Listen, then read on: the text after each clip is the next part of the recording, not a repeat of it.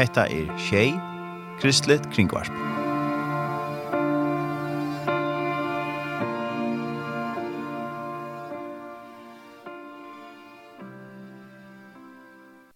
Velkommen til at Lorsa til Shay, og Per Jodarsson i det er Tør Ernst Havansen, og vi tverra om man har løtt det, vi får ta oss av vi gjester om en tjeneste som de stand i, og derfor at jeg ganger fyrir seg av enskån, og så verða tolka eisne til først. Og um, hvis det er ganske onker som uh, ikke har vært mulig at lusta nu, men ganske settene, så vil det etter så eisne enda kjent, og så vil det eisne lagt inn heimasunne tjåkon tjei.fo her til kun lusta etter i settene.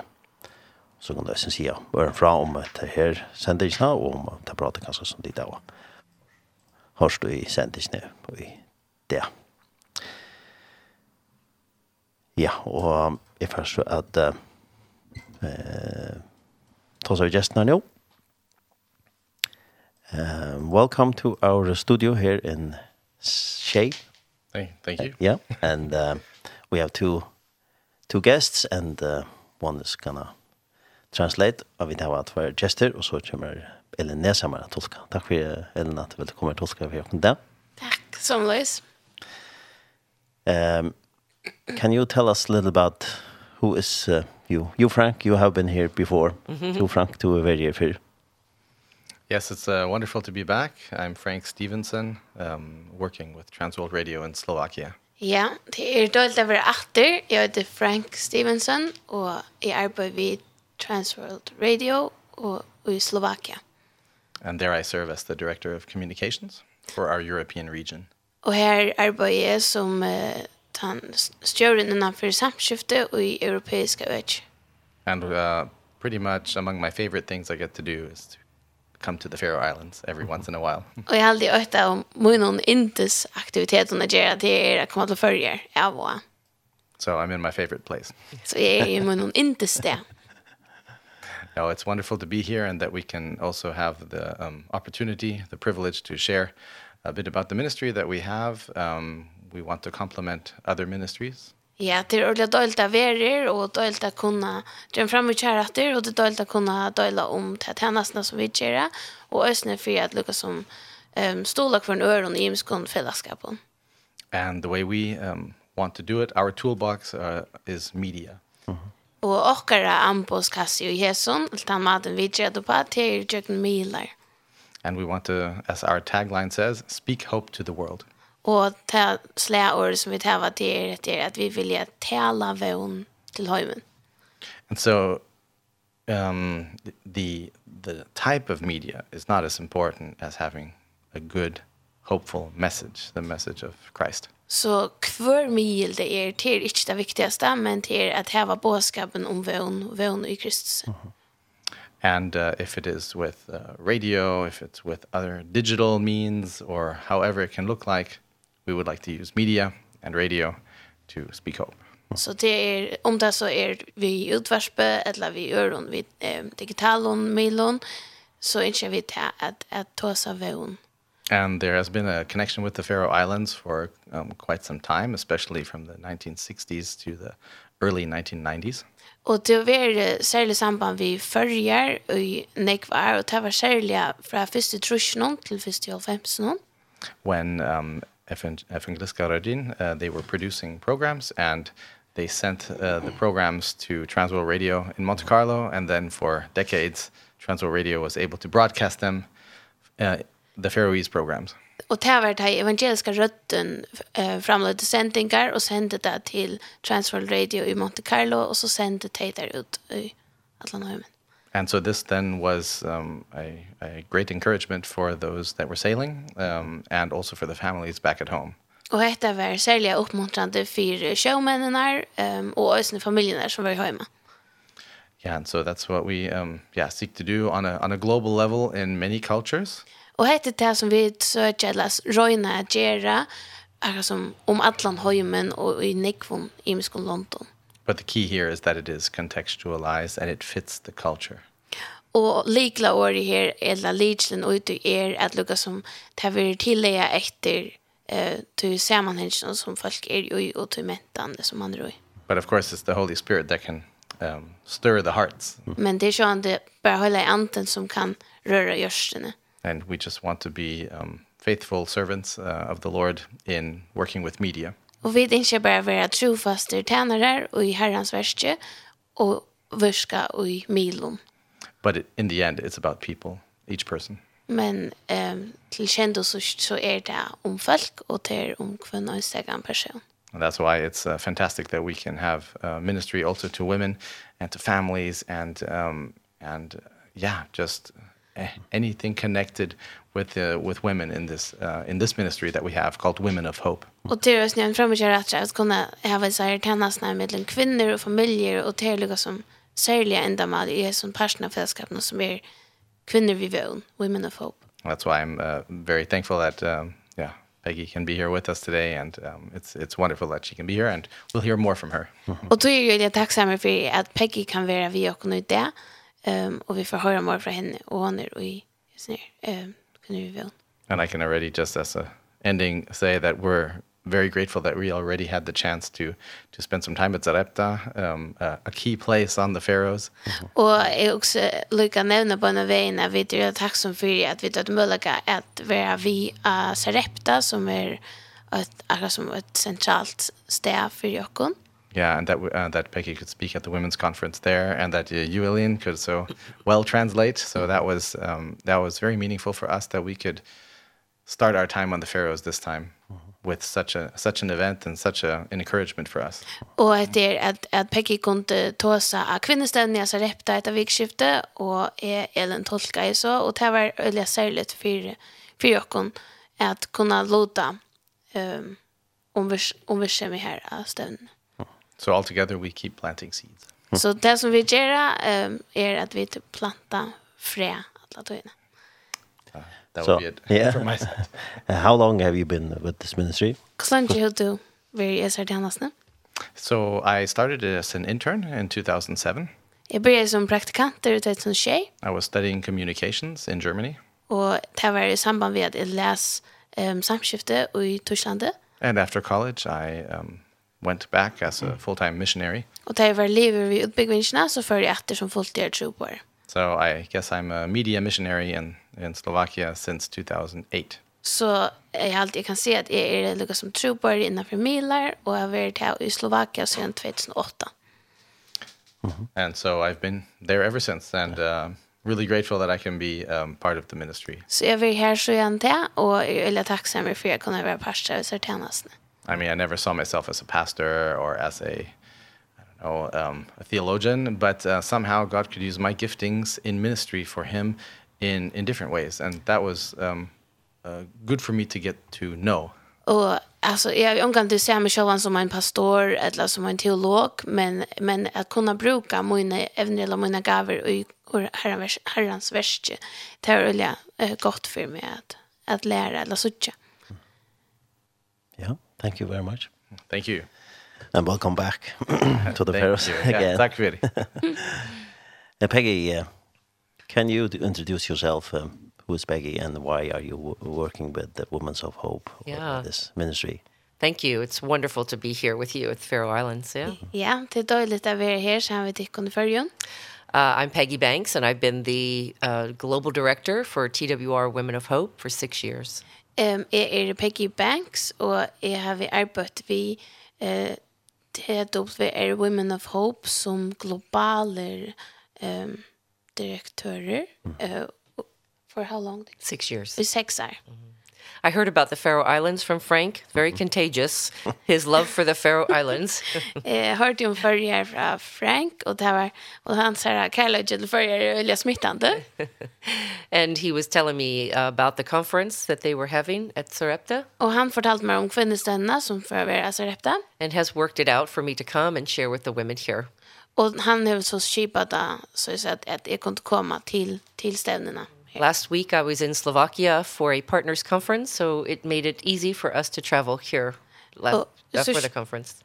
Och sista veckan så var jag i Slovakia at når jeg stevne vi åkara samstagsfällare, så det la väl fyra kom allt.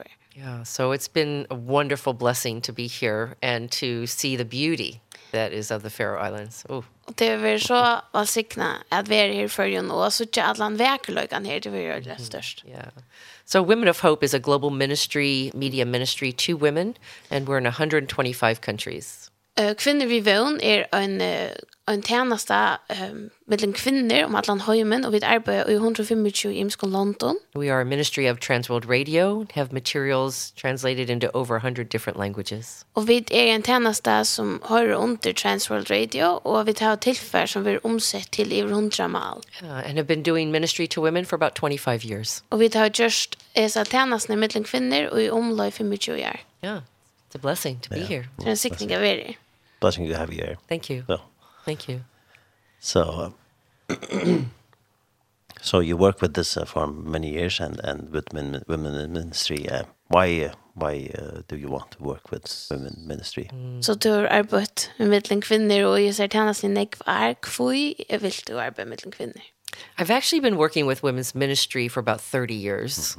Jeg har arbeidt med kvinner, og jeg tjene sin mellom kvinner, og jeg omløy tredje vi er.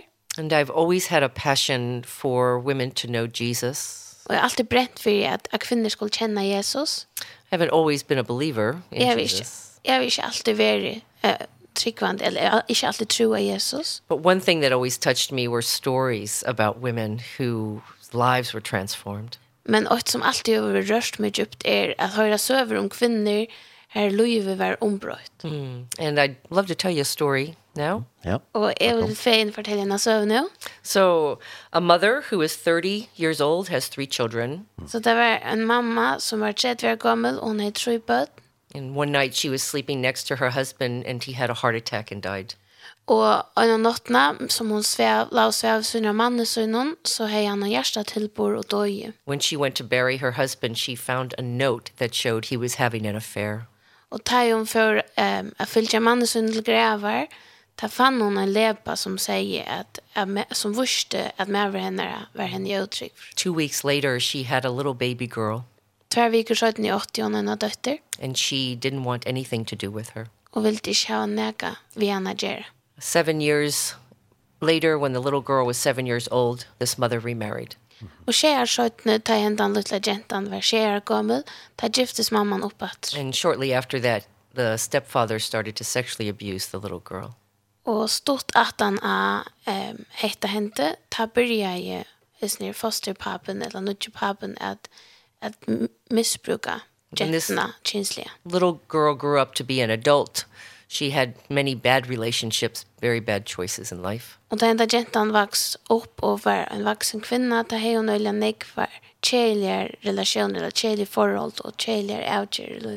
Here in the Faroe Islands you have black sheep. I förrjun och hei det nek var svarta.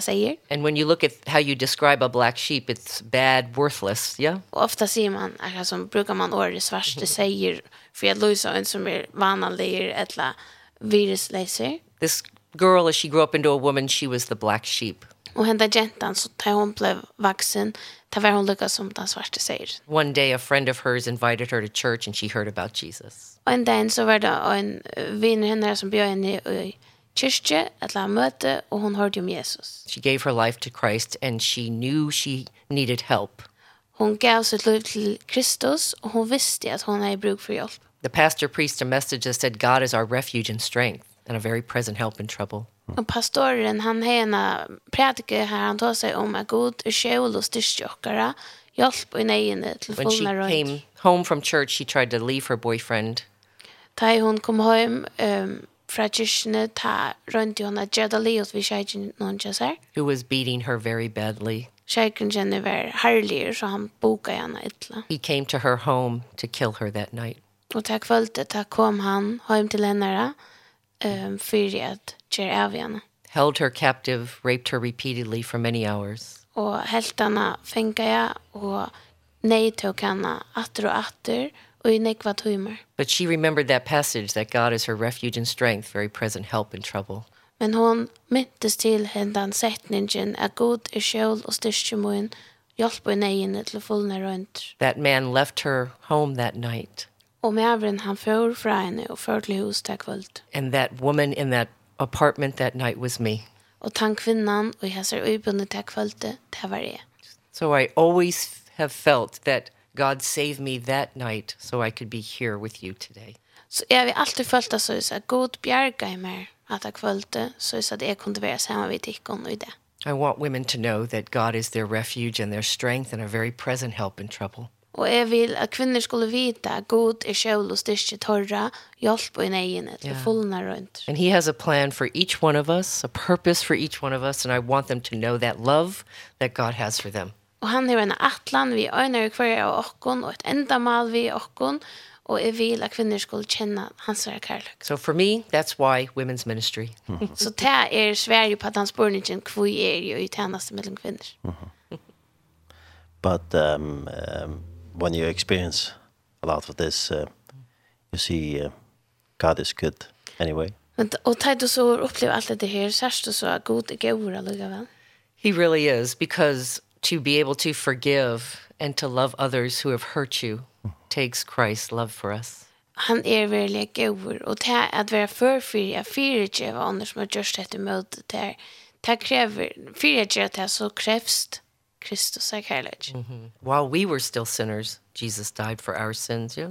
His love for us is so great. Ty at men vid en vår synder er ta döj Kristus för och hans är kärlek til och Er så stor.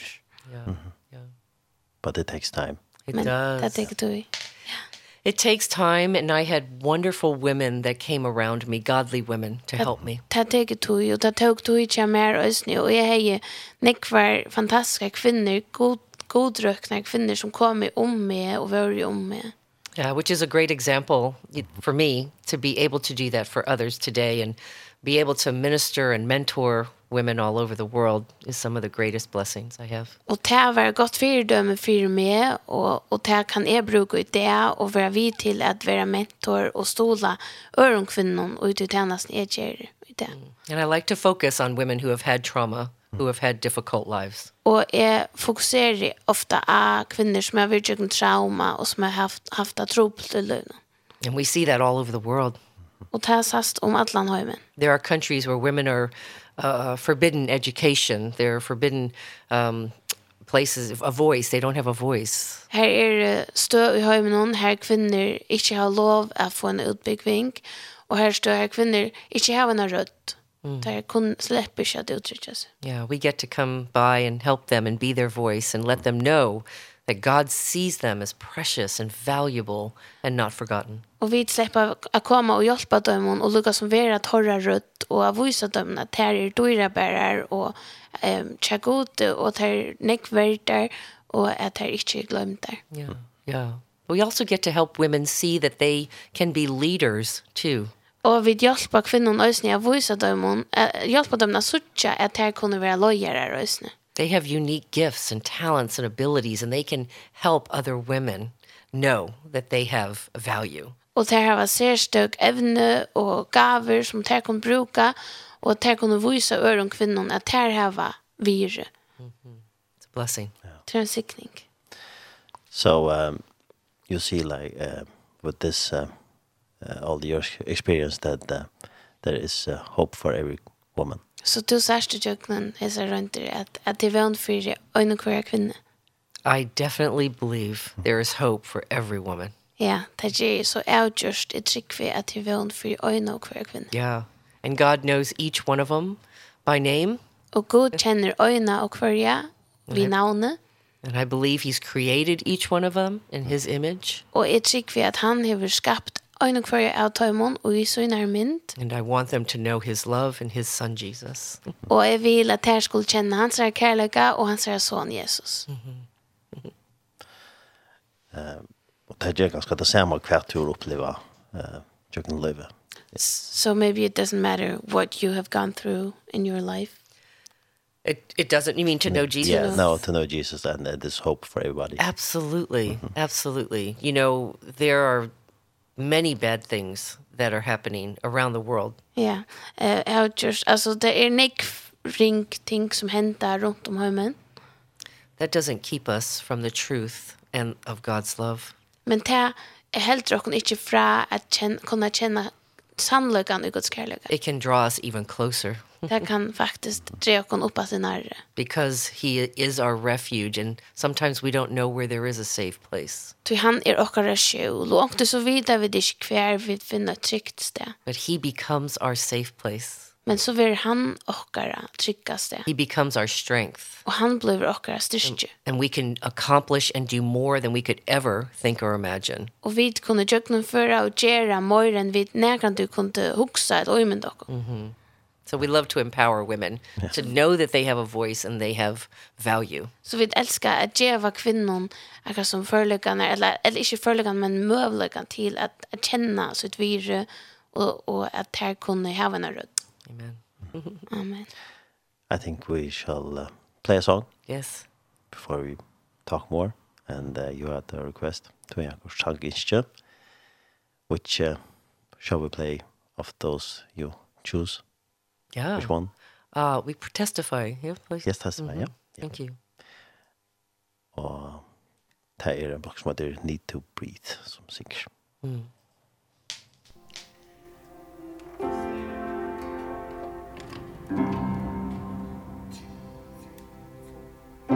Give me your heart, give me your song, sing it with all your might. Come to the fountain and be satisfied. There is a peace, there is a love You can get lost inside. Come to the fountain and Let me hear you testify.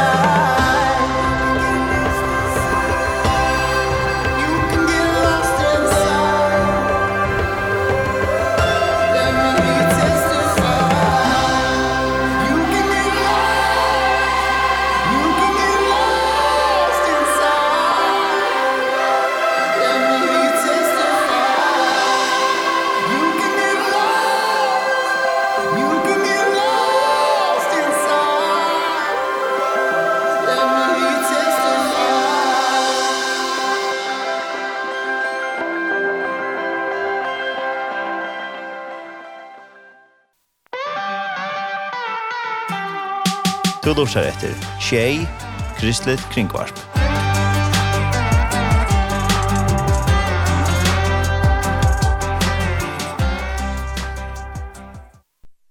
Det var en sanger som kallades Testify og en bøk som heter Need to Breathe som uh, sang her.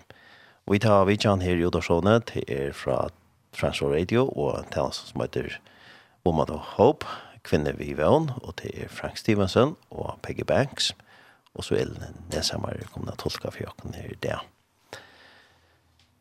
Og Peggy fortalte sin tro om Løyve Kjasar, hvordan hun hva hun opplevde i Arne om å kjenne Jesus og det er avleggende som hun er ferdig i Jøkkenen, og hvordan Jesus hever eh, med vi og ombrettet av Løyve og hun har kommet å kjenne Jesus.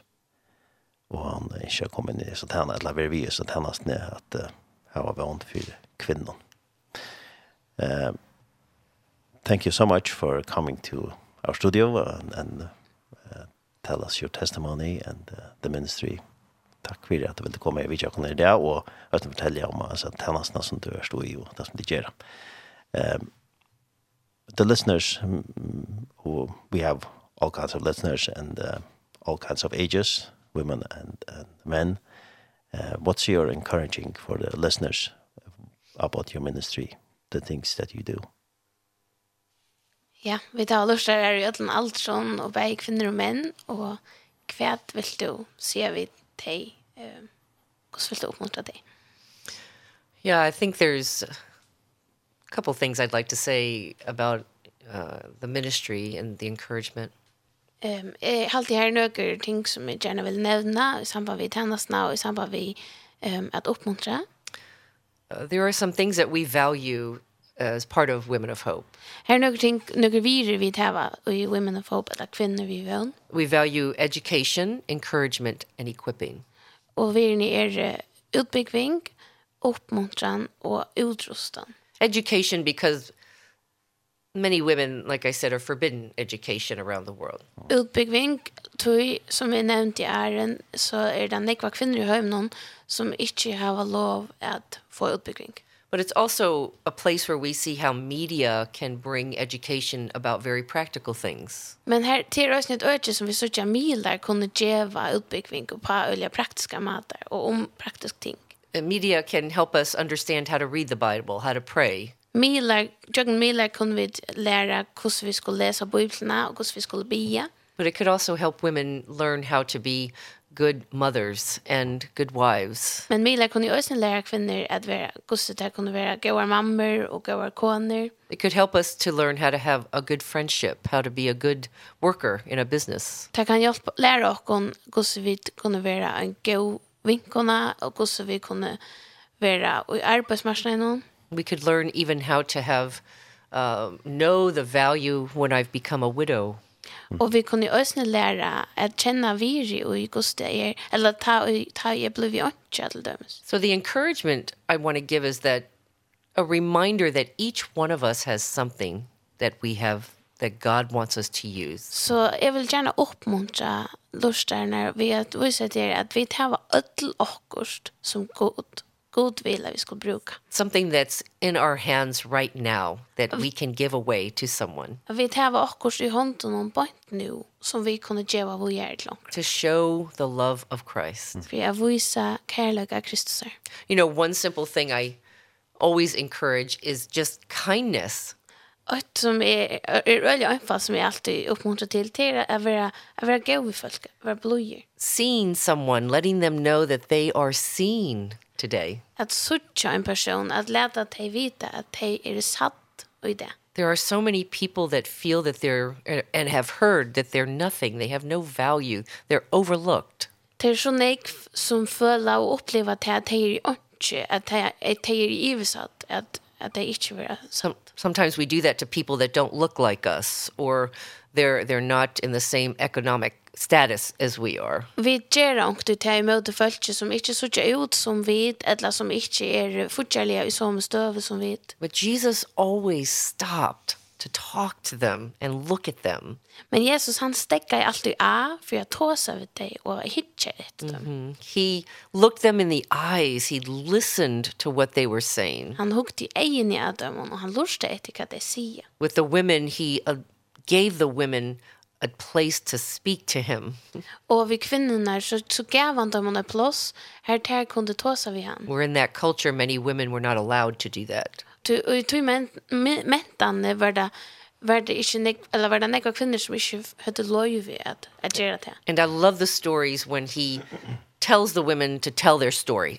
Och i allt det här skönar som vi söker här Jesus han ber kvinnor fortälja sina söv. Every one of us has a story. We can start there. Och en och kvar och kon hever en söv och vi kan börja här. Yes, let me tell you how I've met a savior who loves me.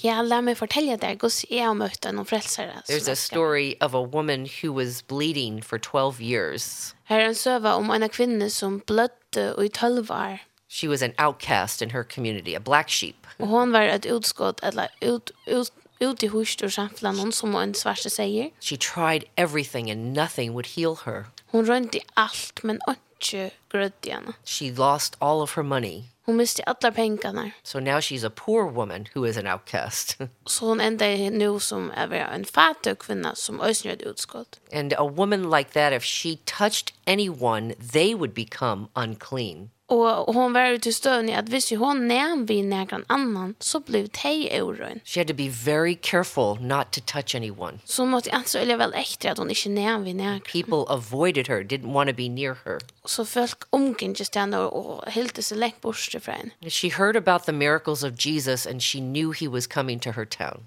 Hon hörde om underne som Jesus gjorde och hon visste att hon han for å komme og i hembygden. And she thought if I could just touch the bottom of his his uh his coat I would be healed. Och hon också säger vi ser bara lika för en norsk vi falten ändan av hans här jacka eller att kläder så så väldigt gröt. She didn't even think about the risk of touching everyone else in the crowd. Hon också sen gångt om han vantan som hon var i att och jag nästa vi åt linje i fjälten. But she fought to be with Jesus. She crawled on the ground to just touch the bottom of his jacket. Men hon struttes för jag närskas Jesus och hon grulva i ett vän och, och närst vi falten av hans kläder. When she touched him, the Bible says she was immediately healed. Och Bibeln säger att ut och hon näm vi hans kläder så var hon grött. She could have left and nobody would have known that.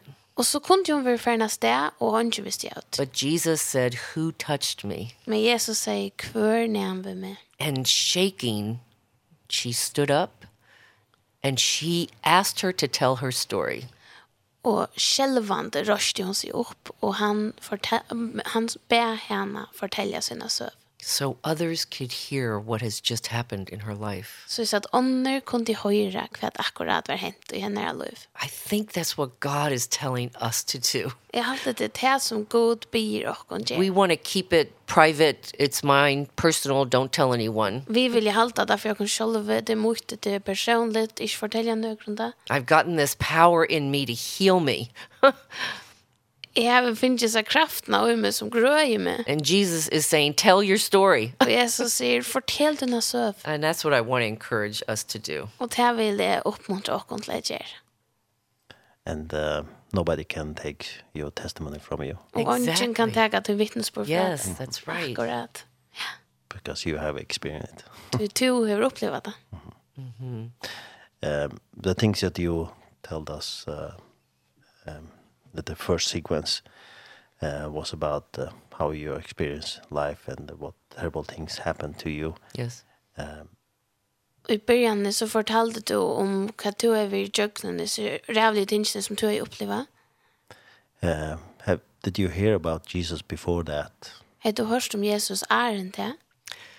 I knew about Jesus. Jeg visste om Jesus. I didn't grow up in a Christian home. Jeg vokste ikke upp i en kristen hem. You know, uh, my mother was actually very physically abusive to me. Og mamma min var faktisk uh, fysiskt herlig ved meg. But we did attend a church. Men vi gikk i kyrkje. And uh, we learned about Jesus. Etla eller samkommet, og vi lærte om Jesus. But we were going to church every day and living a different life at home. Men vi gikk ikke kyrkje hver dag, men men hade ett annat liv hemma. So yes, I did know about him. So yeah, jag visste om han. How was it to hear about him and not experience him? Gosse värda höra om han och inte uppleva han. I didn't know that until I became a believer that that was different. Jag visste inte att att det var överse förrän jag blev förrän jag kom till When I believed in Jesus and gave my life to him and the Holy Spirit came to live in me. Ta jag trodde på Jesus og gav mitt liv til han, hans ära och anden kom og byggva i mer. It was like this understanding of who he was became so much clearer. Så var det akkurat som at den där fätanen och han er blev så negrojare. And as I studied just the Bible, I realized that's what Jesus did. He gave us the Holy Spirit. Og som er så granska i bibeln så så skilte jeg till det som Jesus han gjorde at, at han gav oss den heliga anden. And he said to the disciples one of the things the Holy Spirit does is remind us. Mm of everything he's taught us. Og han säger vi lær sånn henne ikke at alt som håller anten gjør til å minna och av alt det som han har lært oss. That's so important to understand. Og det er så områdende att skilja. We have to confess our love for God and accept Jesus as our savior. Vi må jotta okkara kærleika til Gud og tega emot Jesus som okkara frälsare. And the spirit comes to live in us and that's what was different. Og så kommer hela anden att bygg vi okkara og ta det som gjør det månen so it was different that you only knew about him but you haven't experienced him. Right. So yeah. so there were so du visste bara om han men du har inte upplevt han. Yeah. Yes. And I prayed as a little girl and we went to church and my grandmother was very instrumental in og teaching jeg, me to pray. Jeg ber som baden og jeg gikk og kyrkje og omma min hun lærte meg å bia. And I would see my grandmother praying every day. Og jeg sa omma min å bia kvendt det but I never knew what that meant. Men jeg visste ju til hva det mørste. Today I do. Men nu det var inte. And he's very intimate to me, you know, the husband of my heart, the lover of my soul, I say. och han är öljande när och intimt när vi med plejer säga om god och att han är något som med över hjärsta munns och älskar den av mina själ. Mm. So, fantastic. yeah, yes. What I can do, but the Holy Spirit, that's the it can go can jera och hela anden där. Yes, I think you know as we study the gospel of John and you see Jesus teaching the disciples all those hours before he went to the cross. Ja, och allt det har vi såg och i ehm Johannes evangelion hur så Jesus undervisar sina lärjungar alla dessa tjänarna är när han för krossen. The Holy Spirit is there to comfort us at hele anden er her for å trøste okken. To counsel us. At gjeve okken ra, at ra gjeve okken. But also convict us of sin. Men også at samføre okken om sin. And when we start to draw and understand that role of the Holy Spirit. Og ta i vidt så byrja at, at lukka som skilja og vera drien og til at skilja hentan er, er det som tan løykloden som alle anden hever. I believe our lives become changed så tryck vi att åkra liv är brott. Because we're learning more about what God wants for us. to vi lära mer om vad god vill för oss. And what we have in him og hva vi øya ui honom. As believers of Jesus. Som vi, som tryggva Jesus. I'm very excited about it, you know. og jeg, jeg, jeg elsker dette, og jeg er alltid så spennende. So the third thing we value is equipping, helping you, my, the listeners, know how to do that. Så so, det tredje virus som vi arbeider vi er at utrusta, at hjelpa, lurstar noen at vita. To know how to pray, how to read the word, how to grow as a Christian. Att vita hur vi som kristen skulle bia, hur vi skulle läsa Bibeln, hur vi skulle växa. I will tell you the woman I am today is nothing like the woman I was 30 years ago. Och jag kan säga där att han kvinnan som är er det är er, är er slett inte är slett inte samma som är var för tredje år sedan. I was not a very nice woman. I was not a very compassionate woman. Jag var inte en särskilt um, behagelig person eller jeg er ikke nekva samtjenslig vi. I was a very difficult woman to love. jeg var en trobel kvinna og trobel at elska. I probably am to today. Jeg er aller helst til enn i det. But, Men. but I'm kind, I think. Men in Jesus, I can do it in Jesus. Blod i Jesus. Jeg var det kan gjøre det i Jesus. Yeah. Yeah. God is good. God is good. Every day. Every day. Kvönda. Good. Yeah, thank you. Um, I think we'll play another song. Mm. And uh, you had another request. Yes, who am I? Yes, we need to breathe. Mm -hmm. Yes.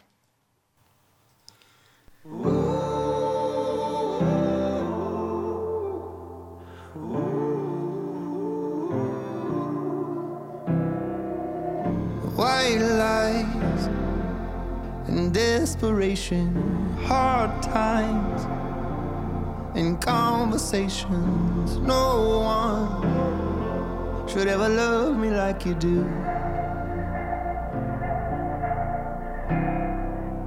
Sometimes my bad decisions define my false suspicions and no one should ever love me like you do. while I'm on this road. You take my hand somehow You really love who I really am. I push you away.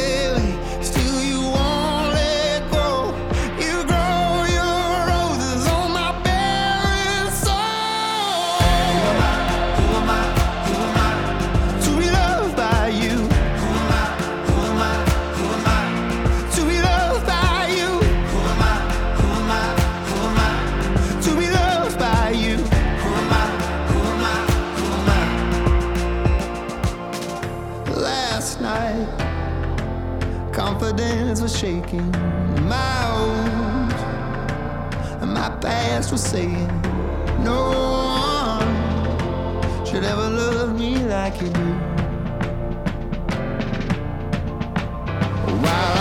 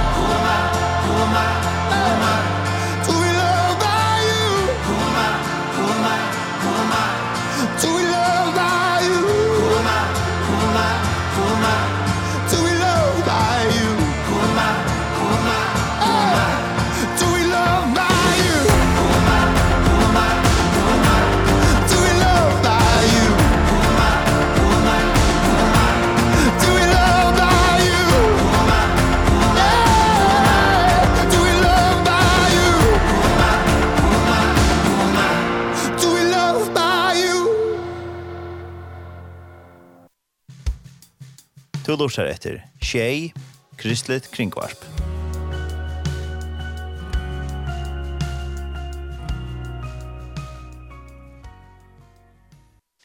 Jeg var da sanger som heter Who Am I, og tar en bøker som heter Need to Breathe, som sang her. Og vi tar av Vidjan av Peggy Banks og Frank Stevenson, som arbeider vi Woman of Hope, Kvinner vi Vøvn, og Ellen vi tolker for åkne i det og uh, yeah, I don't know what else. Uh, yeah, we're going to talk about uh, uh, the ministry, how people here in the Faroes can be a part of it. But uh, is there anything else you want to say before that uh, about this ministry that you work with?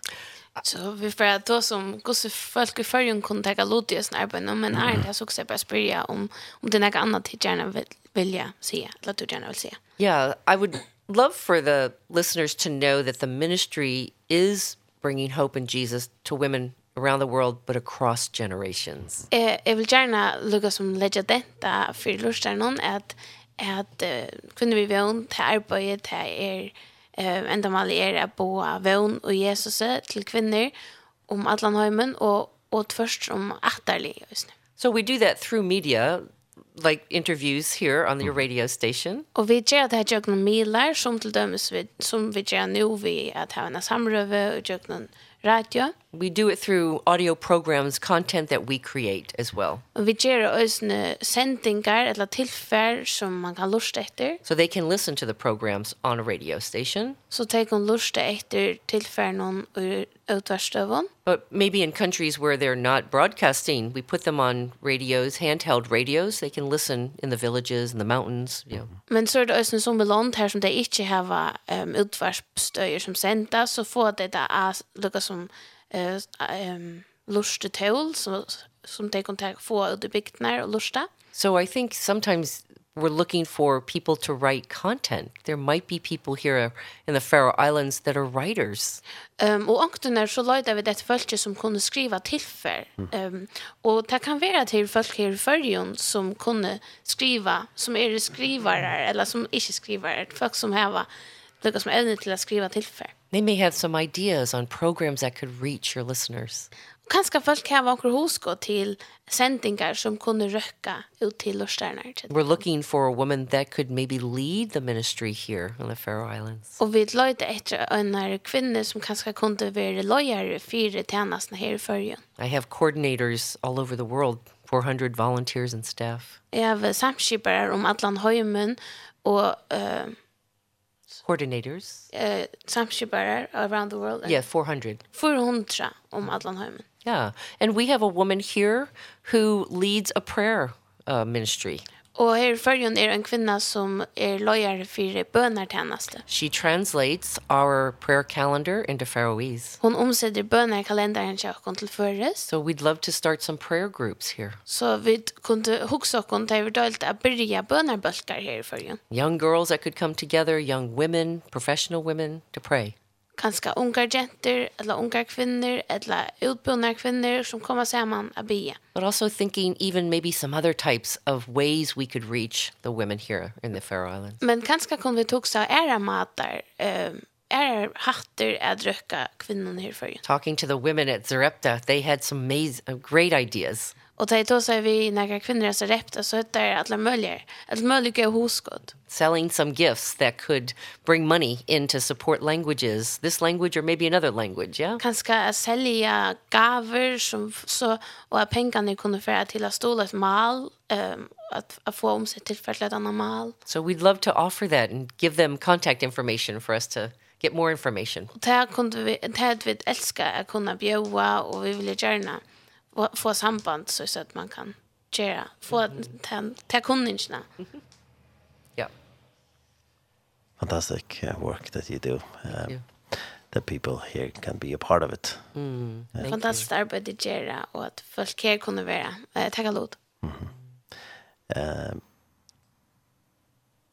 uh, we can support uh, with money, but we can also be part of it in praying.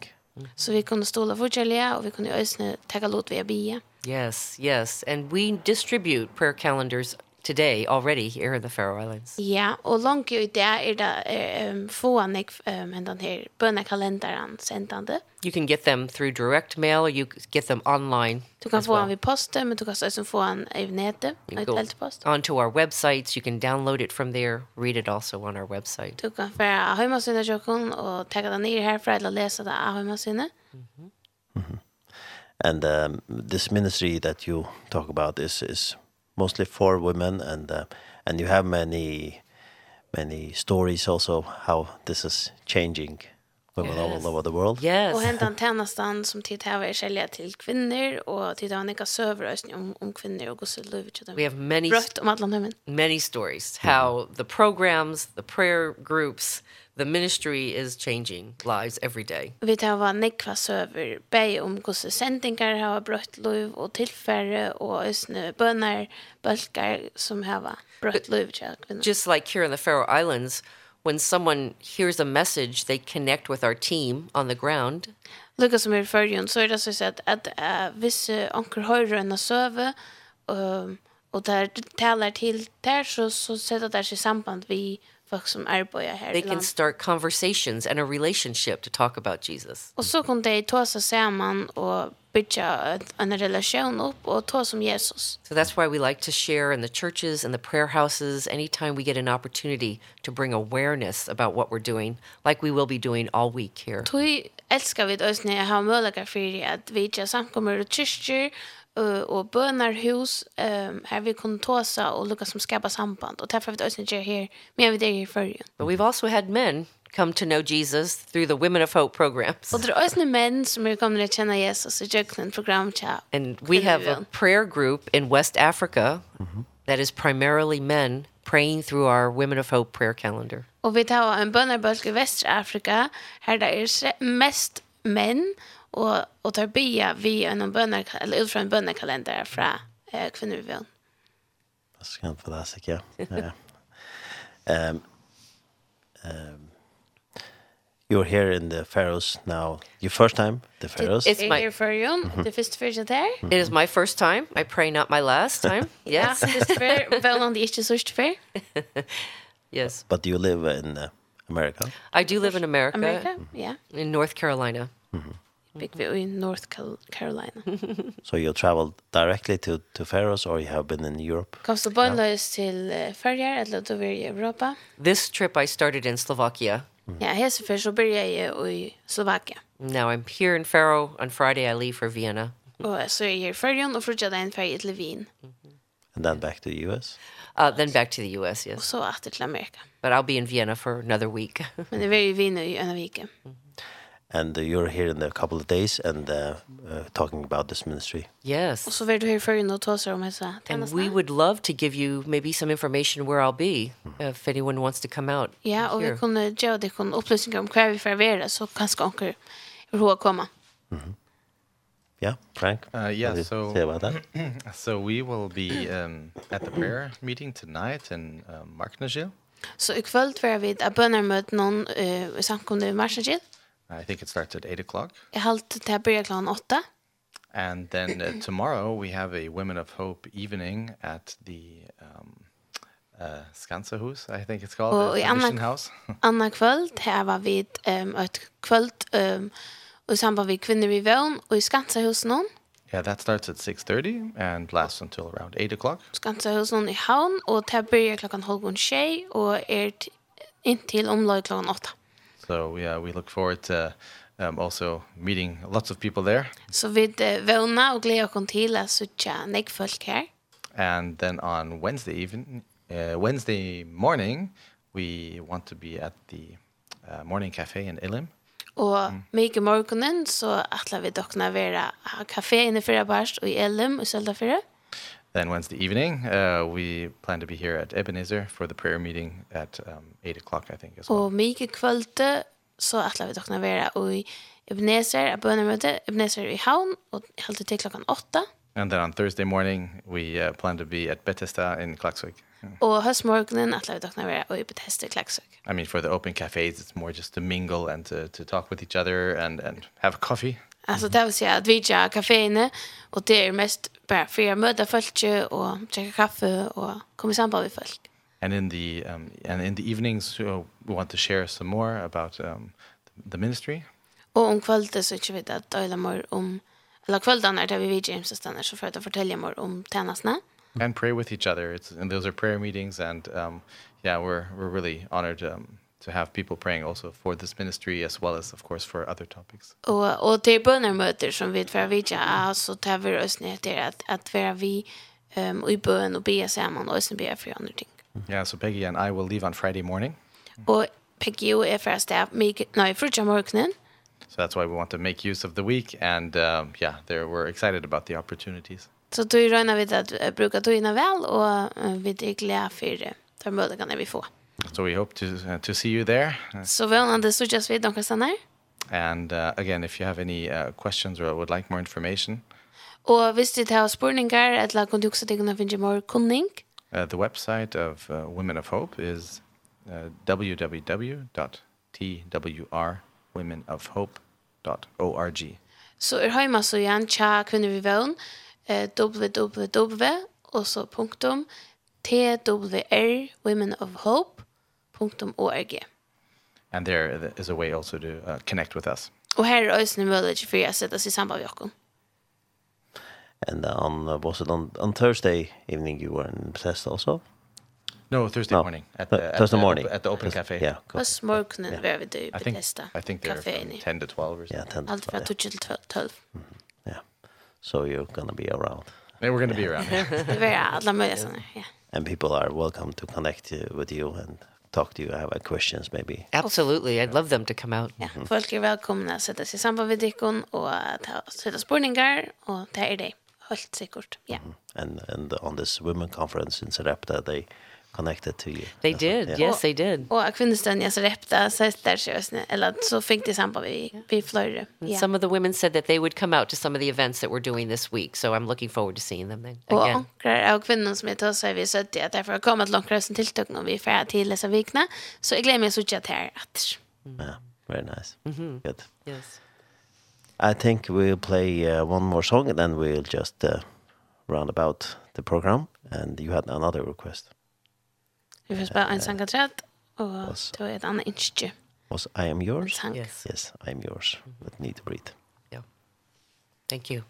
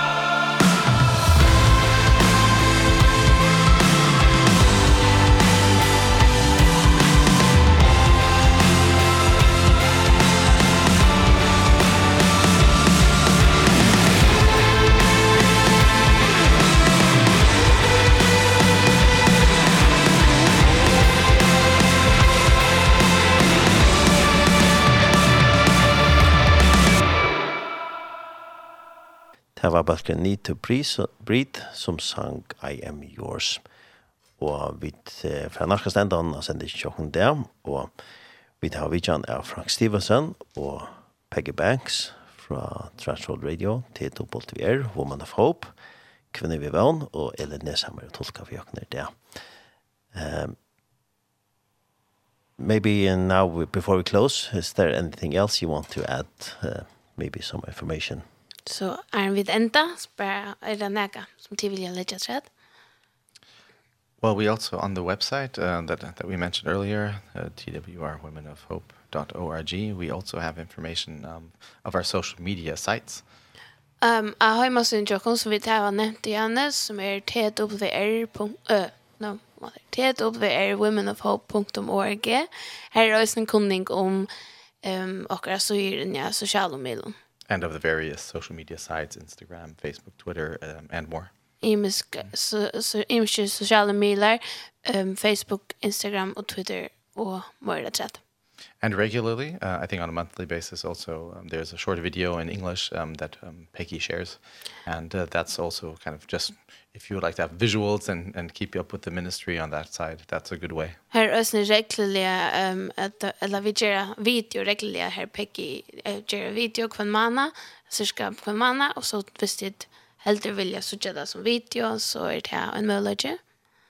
And also for those that are interested in the general Transworld Radio Ministry, the connection of media and missions, um, the website is twr.org. Og hvis det er noen som er avhøver og isærlig i samband mellom milar og mission og arbeid i tøy, så er det hjemmesiden tja Transworld Radio, twr.org. Maybe just one last thing. If uh, also there is someone who maybe is interested in just finding out more about the ministry, you want to drop by an office and see um, uh, or have an internship or you want to go as a volunteer or short term or even long term. I mean, we are also an option. Um, I mean, I know there's some great ministries here, but if people are interested in the media ministry connection, then uh, that's a, maybe a suggestion I would have if you'd like to check us out. We'd be happy. Så och ösne bara visst är er någon som är avhöver och att att pröva det är kanskje kanske komma i praktik eller vara självbojen eller eller komma lära mer om det vi millar och mission. Ehm så är vi den möjlighet. Jag vet att det nick är för det ska bli men det är så möjligt. I mean, that's how I got to the ministry. Det var så jag kom in i satanasna. I did an internship and had no idea that I would be here for so long.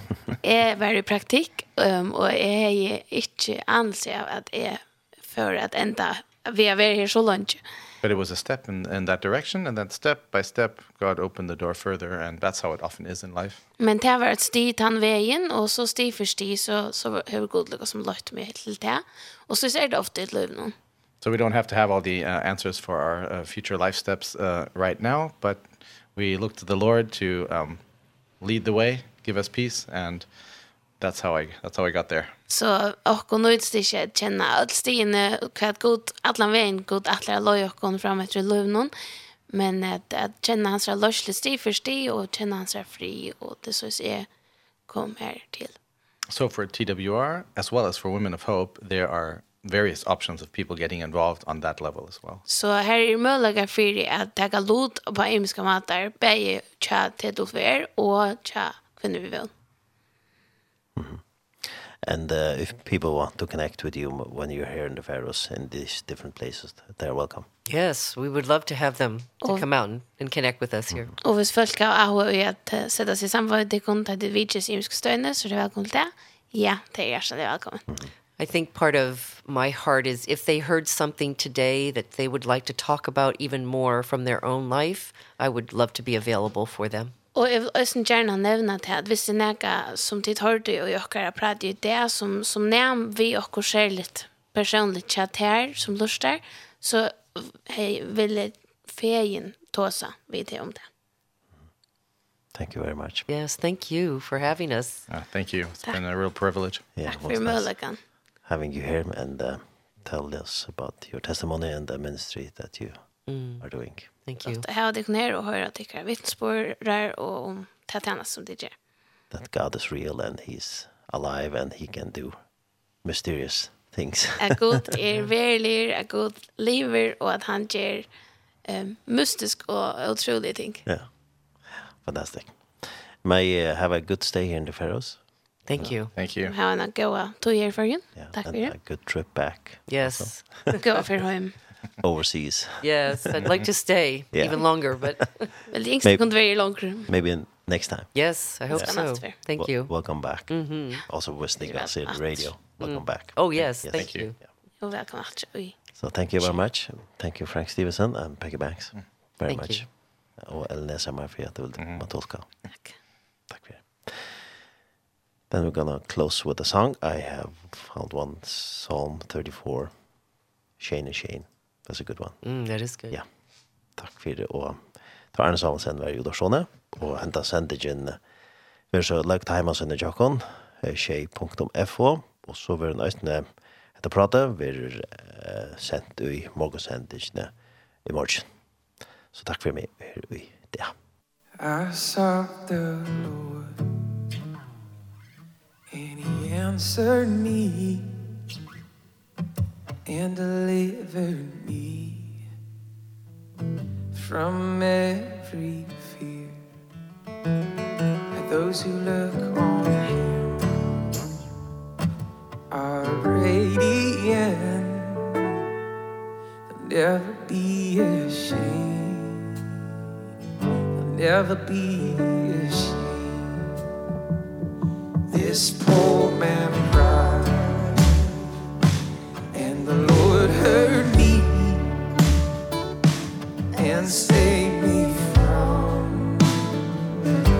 I